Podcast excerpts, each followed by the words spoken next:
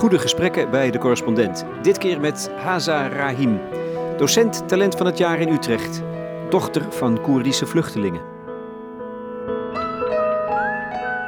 Ja. Ja. Ja, uiteindelijk zijn ze naar Iran gevlucht. Ja, lopend. En daarna zijn ze met boot en alles uh, naar Nederland gekomen. Ik had hier al een tante wonen. Wat ik vaak van mijn ouders hoor is dat, dat er heel veel mensen dan um, ja, lopend in de stoet dan aan het vluchten waren. En dat sommige mensen het zo zwaar vonden dat ze uh, ook baby's hadden of kinderen hadden, maar dat gewoon niet aankonden. En dat die kinderen dan ook op een gegeven moment ja, te vondeling werden gelegd. Of um, ja, dat, dat maakt wel heel erg indruk. Want ik was ook een kind wat met mijn ouders meeging. Ja, en dat geeft eigenlijk al aan hoe zwaar zo'n reis is als vluchteling om vanuit daar hier naartoe te komen. En het raakt mij eigenlijk persoonlijk nog meer dat wanneer ik mensen hier hoor zeggen dat, dat de vluchtelingen hier in Nederland dat ze het zo goed voor elkaar hebben of dat ze um, gelukzoekers zijn. Juist, ja, gelukzoeker zijn. Ik ben ervan overtuigd dat niemand, niemand op deze wereld ze hebben en houden thuis laat of verlaat om ergens anders te gaan wonen. Met puur alleen de mensen om je heen, zonder een koffer, zonder iets. Dat doet niemand, dat zit niet in de mens zelf. Ja. Maar vrij snel daarna kregen we een uh, huisje in Krachenburg. Ook in de polder, ja. Of all ja, places. Is, dat is Noord, Noord-Overijssel, is dat hè, Krachenburg? Vlakbij Zwartsluis. Ja, klopt, ja. Een mooie plek hoor, vind ik. Althans, was er, ja, Zwarte Meer daar. Je hebt een heel mooi vogeleiland met een zeearend. Ja, ja, dus wel echt van het ene extreem naar het andere extreem. Je gaat van Koerdistan naar Krachenburg. ja, en daarna gingen mijn ouders groter wonen. Hè, een grote stad opzoeken. Ze gingen naar Emmeloord. Ja. ja.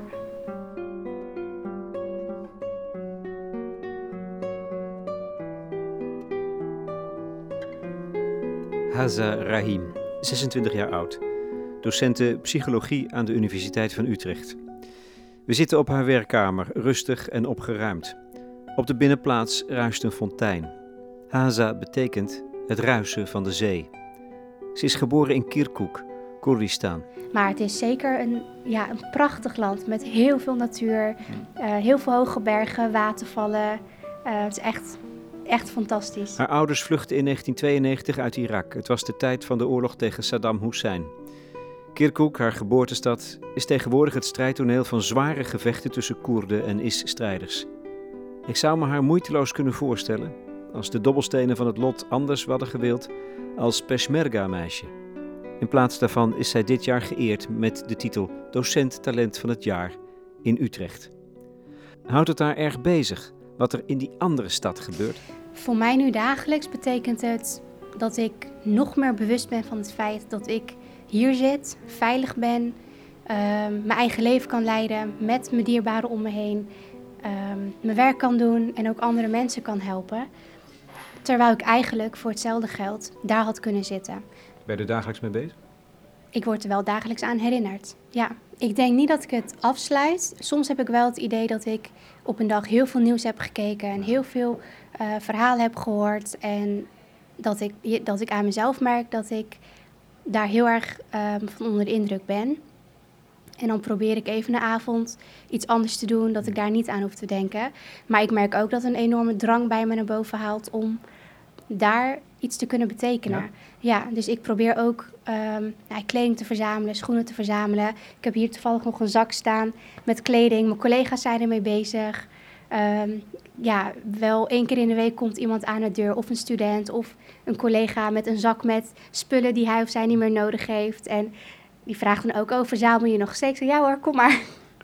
en dan probeer ik wel op die manier iets kleins te betekenen voor die mensen daar. Maar ook ja, de vluchtelingenstroom hier naartoe bestaat natuurlijk ook uit een heel groot deel um, uit Koerden. En wanneer ik het idee heb dat ik daar niet zoveel kan betekenen, probeer ik me hier gewoon in Nederland ermee bezig te houden. En ik ben nu samen met een student bezig om um, een brug te slaan tussen een groep studenten die hier studeren in Utrecht En uh, vrijwilligerswerk doen voor de vluchtelingen die net in Nederland zijn gekomen. Ah. Dus dat is iets wat ik wel vanuit hier kan doen. Ja, handen en voeten geven. Ja, precies. Soms helpt het al om überhaupt gewoon met iemand te praten. En ehm, ja, dat is al een manier van steun geven. Heb je je, je, je moet zeggen, je vaderland, je thuisland, hoe noem je dat? Koerdistan? Ehm, ja, Koerdistan, mijn land eigenlijk. Je ja. noemt het mijn land. Ja. het is mijn land, ons land. Uh, maar Nederland is ook mijn land. Dus ik heb eigenlijk twee landen. Ja. Ja, Je hebt het bezocht? ja twee keer. Ehm, ik was drie toen ik naar Nederland kwam. Ja. En ik ben sindsdien twee keer terug geweest. Eén keer toen ik acht jaar oud was en één keer toen ik 16 jaar was. En dat zijn twee verschillende levensfases. Ehm, dus ik heb het op twee manieren meegemaakt. En dat heeft wel impact gehad op mij. Ja. Ja. In welke zin? Ehm, op twee manieren eigenlijk. Ik leerde mijn familie kennen daar, die ik ja, wel dagelijks sprak ongeveer. En het idee had van, oh ja, dat is mijn oom, dat is mijn tante, ehm, dat zijn mijn neefjes en nichtjes. Maar op, ja, je hebt ze nooit echt bewust meegemaakt of bewust gezien. Dus toen ik daarheen, toen ik daar terugging, ehm, merkte ik wel dat, dat je met open armen werd ontvangen. En dat je wel het gevoel had, hey, dit is mijn familie, dit is mijn land. En toen je 16 was, was het anders? Ehm, Dan toen je, dan toen je 8 was? Ja, 16, dan ben je ook puber. En dan ben je ook op zoek naar je eigen identiteit. Tenminste, dat merkte ik wel heel erg. Ik ben opgegroeid in Nederland in Emmeloord. Nou, dat is een, eh, ja, niks naar Emmeloord toe, maar dat is een dorp met, ze noemen het wel een stad. Maar je hebt echt vijf huizen en een paar koeien, zeg maar. en dus je merkt al dat je heel erg ja, in het noorden van Flevoland opgroeit en merkt dat er heel weinig niet-westerse mensen om je heen zitten. En ook echt heel weinig Koerden, bijna niet. Dus tot mijn achttiende heb ik daar gewoond en heb ik niks in die zin qua contact met leeftijdsgenoot, Koerdische leeftijdsgenoten meegemaakt. Helemaal niet. Bijna niet. Ja, ik had één Koerdische vriendin. Ehm, maar ja, als je daarheen gaat, dan ben je al op zoek naar je eigen identiteit. En dan ga je daarheen en dan is dat wel, dat maakt wel indruk, ja. Je ziet allemaal mensen om je heen en je, dan ga je jezelf ook afvragen, wat was er gebeurd als ik hier was opgegroeid? Had ik dan een andere identiteit aangenomen? Ja, dus. Ja, ik denk het wel. Ja. Ja, zeker weten. Maar dat is bizar, toch? Dat is toch een, een, een, een vervreemdende ervaring? Ja, vervreemdend, maar ook wel verrijkend, want je ziet wat er van jou is geworden, wat jij hebt bereikt en Hmm. wat jij belangrijk vindt. En je ziet ook wat ook belangrijk is, terwijl je hier daar niet helemaal bij stilstaat. Dus het voelde wel alsof ik een klein stukje wat ik al die tijd gemist had qua contact. Ehm, hè, je eigen vaderland kennen, je familieleden kennen, dat is gewoon een stukje van je identiteit natuurlijk. Dus toen ik terugkwam, eh, ging ik echt actief op zoek naar mijn Koerdische identiteit. Dat merkte ik wel. Ook toen ik ging studeren, ging ik heel erg aansluiten bij Koerdische studentenverenigingen, eh, naar Koerdische lezingen gaan. En toen ging er wel een klein, ja, er ging wel een soort van wereld voor me open. Van hier heb je ook Koerden, hier heb je ook de saamhorigheid die je daar ook hebt.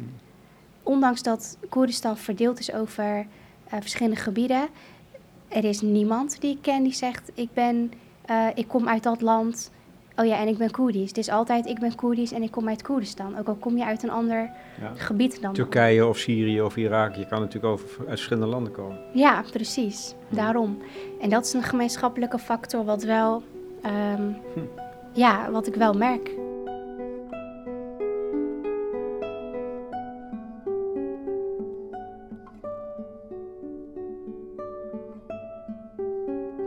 Eh, mijn moeder is thuis. Mijn vader is boekhouder. Ja. Dat was hij ook in Koerdistan? Nee, in Koerdistan was hij eh, ingenieur. En hij gaf ook les. Ja, en mijn moeder was daar econoom. Wij Voor jou, voor jou hebben ze alles achtergelaten. Ja, mede door mij wel. Ja, voor mij eigenlijk. Ja. En dat maakt ook wel weer dat wanneer ik hier zit, dat ik ook merk dat het niet vanzelfsprekend is. Wat je doet, wat je bereikt, eh, met wie je dingen deelt. En dat maakt je nog bewuster. Ja, en dat doet ook wel iets met motivatie. Zeker weten. Wanneer je hier bent gekomen, ehm, en je merkt al dat het niet vanzelfsprekend is, dan ga je ook harder werken voor de dingen die je zou willen bereiken. Dus motivatie is daarin wel best wel hoog, merk ik. Is dat een, een vorm van terugbetalen aan je ouders? Um, Draag je schuld met je mee? Nee, geen schuld. Het heeft geen negatieve lading. Maar ik ben gewoon heel erg trots dat zij hier naartoe zijn gekomen. En het is wel, ik doe het in eerste instantie voor mezelf, maar ook voor mijn familie. En mijn ouders zijn gewoon heel erg blij om te zien wanneer ik iets bereik. Of wanneer mijn zusje iets bereikt. Of mijn broertje. Het kan ook een enorme druk zijn, hè? Dat jij, dat ze, hoe lief ze ook zijn. Ze zijn ongetwijfeld buitengewoon lief. Ja, ik heb persoonlijk niet als druk ervaren. Ehm, ja, de keuze die ik heb gemaakt in het leven voor bijvoorbeeld mijn studie of met ehm, ja, waar ik ging wonen of wat voor werk ik ging zoeken, daar stonden zij echt altijd achter. En zij hebben nooit een suggestie gedaan, zou je hier niet aan denken of zou je niet daarop letten. Ze vertrouwen wel wat ik aan het doen ben. En zo ook bij mijn zusje en bij mijn broertje. En dat maakt dat wij niet druk voelen. En dat maakt ook dat wij juist wanneer we op die manier benaderd uh, en behandeld worden, dat we juist uit onszelf, dus de intrinsieke motivatie dan verhoogd wordt om iets te kunnen doen waar je zelf trots op bent, maar ook waar je familie uh, ja, mee trots kan maken.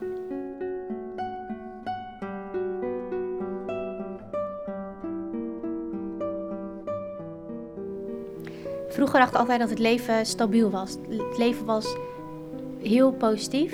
Er gebeurde nooit iets negatiefs. En het was gewoon, waren allemaal leuke dingen en goede dingen. En wanneer iets niet leuks gebeurde of iets negatiefs, ehm, dan kwam een enorme, ja, dan, dan verleg je de baseline van het leven. Dan denk je, oh jeetje, er is iets naars gebeurd. Uh, wat betekent dit? Maar ik denk dat het belangrijk is dat je het leven als een, niet als één lijn ziet, maar echt als een ja, een fluctuerende lijn. En dat dat het leven is. Soms gebeurt er iets leuks, maar soms ook niet. En dat is het leven.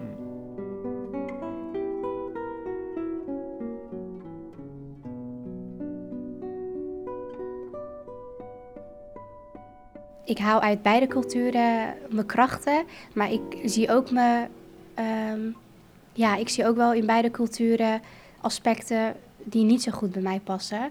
En dat is niet per definitie de Nederlandse of de Koerdische, maar uit allebei. Mm -hmm. wat is dat dan? Wat is dat dan? In de Nederlandse, ja. Dan moet je onaardig worden. ja.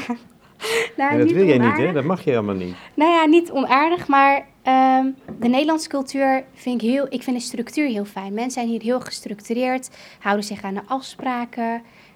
Um, en je wordt hier heel erg veilig opgevangen. Dus wanneer je bijvoorbeeld iets moet regelen met de Belastingdienst of met een instantie, je gaat erheen, je belt, je wordt geholpen en het is afgehandeld. En um, in Koeristan kunnen dat soort processen wel iets langer duren, omdat je ook heel erg afhankelijk bent van de beschikbaarheid van de mensen en dat soort dingen. En dat je hier gewoon veilig bent. Dat je er niet eens over na hoeft te denken. Je stapt je huis uit. Ik stap dan in mijn auto en rijd naar werk. Die vanzelfsprekendheid, dat, dat, qua veiligheid, dat vergeet ik nooit. Dat is iets wat ik zo ontzettend belangrijk vind. Mm. Ehm, ja, en in ja, de Koerdische cultuur is de saamhorigheid heel erg, ehm, heel erg duidelijk te merken. In die zin dat je familie, je inner circle is gewoon zo ontzettend belangrijk. Ehm, ja, dat, dat je ook dagelijks contact hebt met je ouders, dagelijks contact hebt met je siblings, met je broers en zussen. En dat vind ik zo ontzettend waardevol. En bij Nederlandse gezinnen zie ik dat ook. Uh, maar niet bij, lang niet bij alle. Mm. En dat is een beetje, ja, dat is een stukje individualisme. Wat ik op sommige vlakken zelf ook hanteer. Ik ben heel gesteld op mijn eigen privacy. Um, maar in de Koerdische cultuur is het wel heel erg collectivistisch. Ja. Maar is dat dan niet een botsing in jou? In, je, in je, misschien wel je dagelijkse leven. Dat, dat wij aan de ene kant, mhm. zoals je dat natuurlijk heel makkelijk kunt noemen, en het ik aan de andere kant. Ervaar je dat niet als een soort innerlijke strijd? Ik kan wel nee zeggen, ehm, maar eerlijk gezegd is dat soms wel zo, inderdaad. Ja, ik werk bijvoorbeeld heel erg hard en op je werk ben je best wel individualistisch. Ja. Ehm, je doet je werk, um, je gaat naar huis, maar het is ook belangrijk om tijd te maken voor de belangrijke mensen om je heen.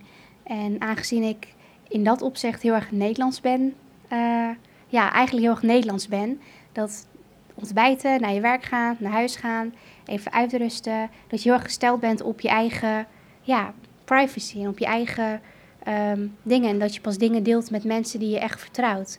En ja, dat kan soms botsen met het ontzettende wijgevoel hmm. qua uh, gemeenschap.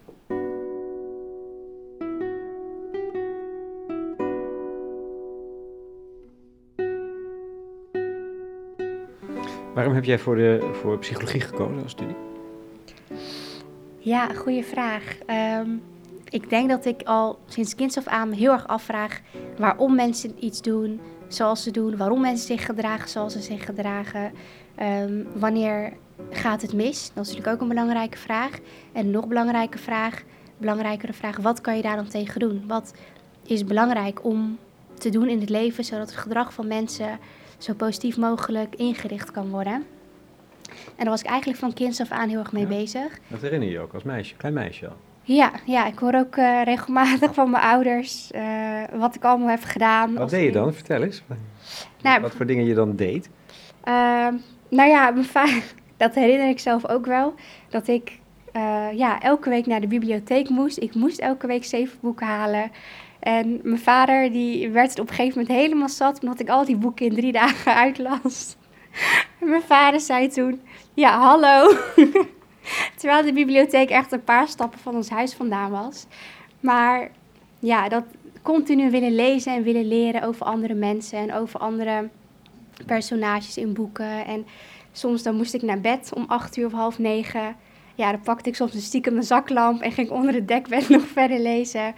En dat ik heel veel vragen had als kind, ook gewoon heel kritisch was. Tomeloze nieuwsgierigheid.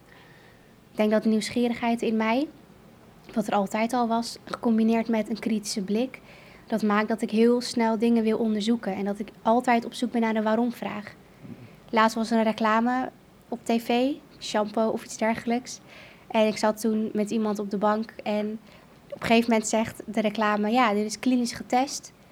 Uh, eh, 97% van de mensen die is tevreden. En diegene die naast mij zat zei: Ja, oh, nou moet ik het ook maar proberen. En het eerste wat ik gelijk dacht was: wat is hier klinisch getest? Is het in een lab getest? Is het buiten getest? 97% van hoeveel? Van twee mensen? Van drie mensen? Wat bedoel je daar precies mee? Dus dat vertaalt zich heel erg in niet alleen mijn werk, maar gewoon hoe ik als persoon ben en naar dingen kijk ook.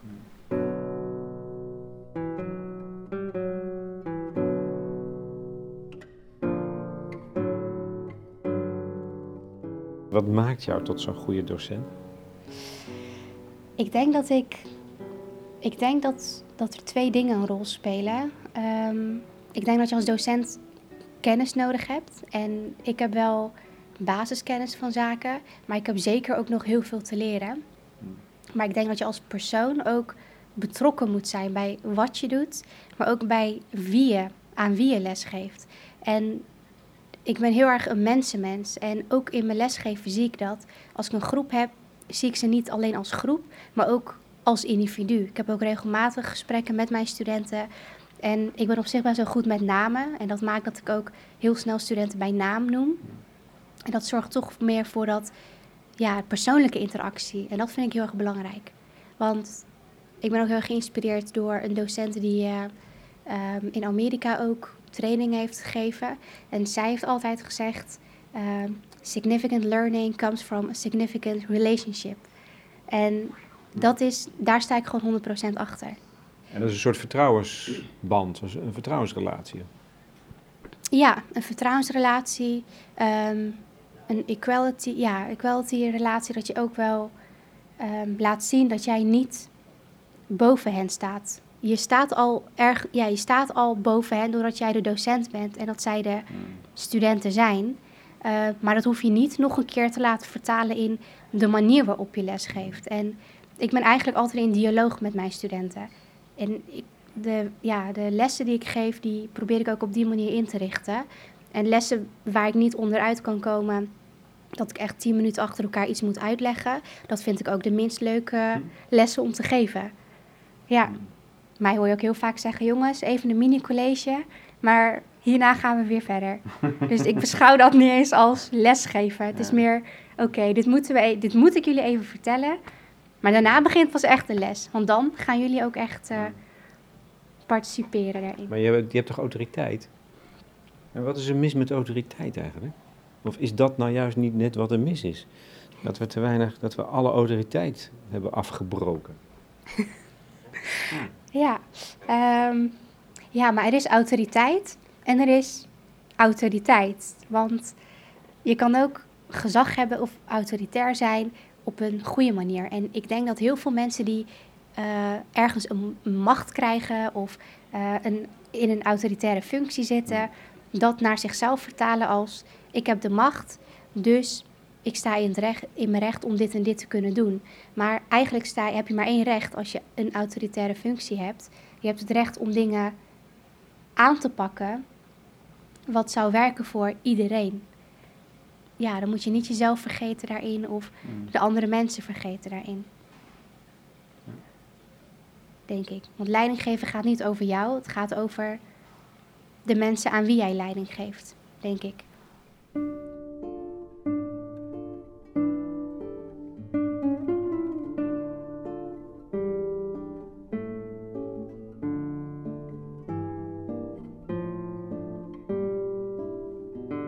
Um, laatste onderwerp, Haza Rahim. Is de tijd waarin we leven. Mhm. Met jouw geschiedenis en die van je familie. Lijkt het me niet eenvoudig om waar te nemen wat er nu gebeurt om ons heen in Nederland. Grote vluchtelingenstromen uit de streek waar je zelf ook vandaan komt, als babytje. En een groeiend verzet. Sterker nog, politiek beleid dat inhoudt dat we steeds meer uh, uh, ernaar streven om mensen buiten te sluiten. Hoe beleef je dat? Hè? Hoe verklaar je het? Hoe beleef je dat? Ja, ik zie dat ook heel erg in mijn omgeving inderdaad. En ook in het nieuws en ook op social media wanneer iets gepost wordt. En waarbij allerlei reacties uh, onder worden gezet waarvan ik denk, hoe haal je het in je hoofd om überhaupt op die manier te denken? En, wat bedoel je dan concreet? Wat, wat, wat, zijn uitspraken die je... Ja, goed, ik kan ze zelf verzinnen, maar... Nou ja, bijvoorbeeld um, in Emmeloord stond een flat leeg. En en die flat um, zat een beetje asbest in. Dus mensen, hij zou sowieso over een jaar afgebroken worden. En de vraag was eigenlijk: gaan we daar vluchtelingen in uh, plaatsen, zodat ze daar wel onderdak hebben voor in ieder geval een jaar? En dat was de vraag. Hij staat sowieso leeg. Nou, dat werd in een krantenartikel op uh, social media gepost. En de reacties die hieronder, ook wel veel positief hoor. Maar de negatief vallen natuurlijk eerder op had iemand gezegd, nou ja, doe ze er maar in en uh, breek dan de hele flat af. En dat vond ik zo'n onmenselijk, onmenselijke reactie. Um, terwijl ik dacht, hoe kan iemand zo denken? Maar ik denk dat het belangrijk is voor mensen om uh, bewust te worden van wie zijn deze mensen. Kijk, vluchtelingenstroom is een term wat er voor wordt gebruikt. Maar wie zijn deze mensen? Ga in gesprek met de mensen. Ga ga als gezin zijnde een keer een vluchtelingengezin uitnodigen om te eten. Ook al kan je niet met ze communiceren, maar dat je in ieder geval ziet, dit zijn mensen. Dit, het is hmm. niet... Het zijn geen getallen? Of nee, eh, precies. Ja, het zijn geen getallen, het zijn geen termen, maar het zijn mensen die hier naartoe zijn gekomen. En het feit dat er op een gegeven moment ophef was dat um, vluchtelingen een smartphone hebben... Um, ja, ik heb laatst een filmpje gezien uh, van een vrouw die alles heeft achtergelaten, maar zich zo erg houdt aan haar telefoon dat daar alle foto's van haar familie en vaderland in zitten. Uh, het is haar enige communicatiemiddel naar haar familie toe. Dan denk ik, ja, dit is gewoon jouw leven. Dit is een stukje van jouw leven wat je toch nog hebt mee kunnen nemen. Maar ik denk dat het belangrijk is om de mensen achter die ja. Uh, ja, getallen te leren kennen. Moet je ook de mensen achter die uitspraken op sociale media als mens blijven zien? Met die groeiende vijandschap? Die mensen die zeggen dat zo'n flat in Emmeloord met asbest en vluchtelingen al afgebroken moet worden. Ja, ehm, ik respecteer iedereen's mening en iemand heeft een bepaalde referentiekader gebaseerd op zijn eigen ervaringen, eigen opvoeding en op wat iemand zelf gewend is. Ehm, en hoe het leven voor hem of haar uitziet. Dus ik kan niet oordelen wat maakt dat iemand zo'n opmerking maakt. Maar ik vind wel dat. Ehm, aan de andere kant denk ik, ja, het is zo. Het is misschien ook een beetje bedreigend. Want je hebt een eigen land hier. Ehm, je leeft erin. Je hebt je eigen leven. En dan komt ineens het onbekende in je eigen land. Dus ergens begrijp ik dat er een nou, niet verzet, maar een bedenking is vanuit de meerderheid. Of nou, meerderheid vanuit ehm, mensen die hier wonen. Maar aan de andere kant denk ik, heb respect voor iedereen. En zo'n opmerking getuigt naar mijn idee niet van respect voor je medemens. Los van burgers of of je nou wel of niet in Nederland woont. Je bent, ja, op het eerste level ben je al mensen. Ik ben een mens, ja. u bent een mens. En wij allemaal. En dan pas ben je een burger of niet. Ben je niet gewoon bang?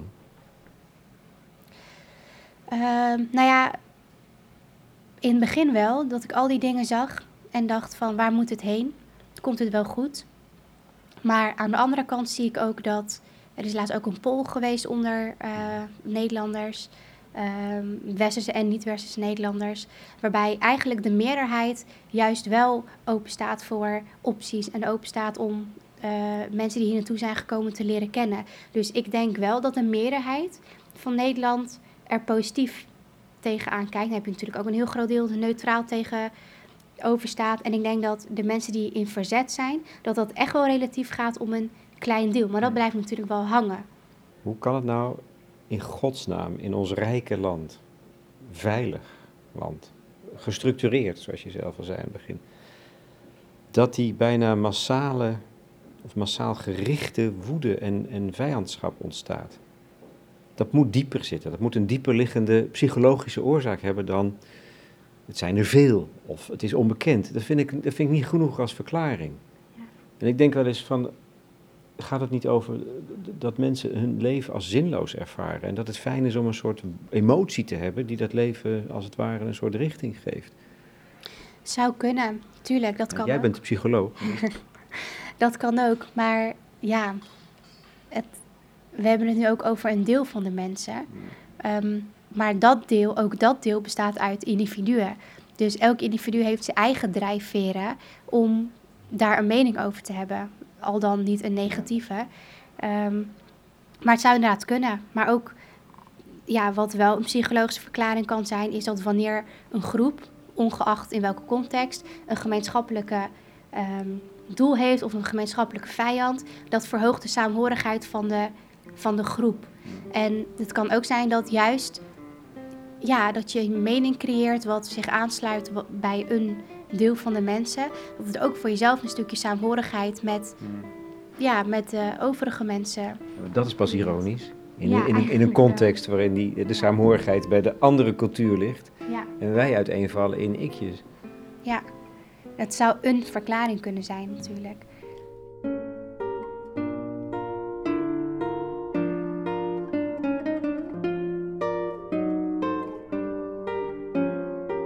Ik denk dat we nooit kunnen spreken dat iemand iets vergeet. Iemand kan een manier vinden om ermee te leven, maar vergeten doen we denk ik allemaal nooit. En juist dat soort situaties vragen veerkracht van iemand, anders overleef je het niet, mentaal gezien niet. Dus ik denk dat een situatie ook een bepaalde veerkracht van je naar boven haalt, wat maakt dat lijkt dat het meer vergeten is. Maar dat het eigenlijk een copingstijl is. Een manier is van waar, hoe jij met dingen dan omgaat. Dan is vergeten een deel van de strategie om te overleven. Ja. Maar je vergeet het nooit echt. Dat, dat... Nee, nee, je vergeet het niet. Maar wat betekent dat er voor al die kinderen die nu of hier naartoe zijn gekomen of daar nog zijn, dat vooral? Ja. Ehm, maar ik denk dat je hoop moet houden. Ik denk dat hoop op dat moment heel belangrijk is. En dan is het ook aan de omgeving, wanneer de kinderen hier komen, dat dat kleine stukje hoop wat ze hebben en de positiviteit wat ze als kind meenemen, dat dat niet uh, de kop wordt ingedrukt hier. Want dat is wat zij wel hebben, dat kinderlijke, dat speelse, dat, um, ja, dat, ja, hoop voor de toekomst. En dan neem ik het wel weer, dan zie ik het wel als verantwoordelijkheid van de omgeving om daar iets mee te doen, om die hoop te blijven vasthouden en daar ook echt aan te kunnen voldoen. Niet zo lang geleden hè, dat je die titel verwierf, docent talent van het jaar. Je ouders zaten op de eerste rij. Ja, klopt. Wat zeiden ze tegen je? Achteraf? Uh, ja, dat ze heel trots waren. Ja, maar eigenlijk hoefden ze dat niet eens te zeggen. Ik zie het al aan, ja, aan hun blik of aan de, het feit dat ze al daar zitten. Dat vind ik al heel mooi. Ja, stralend en ook bevestigend. Dat ze daar zitten en denken, ja, dat uh, heeft goed uitgepakt. Ja.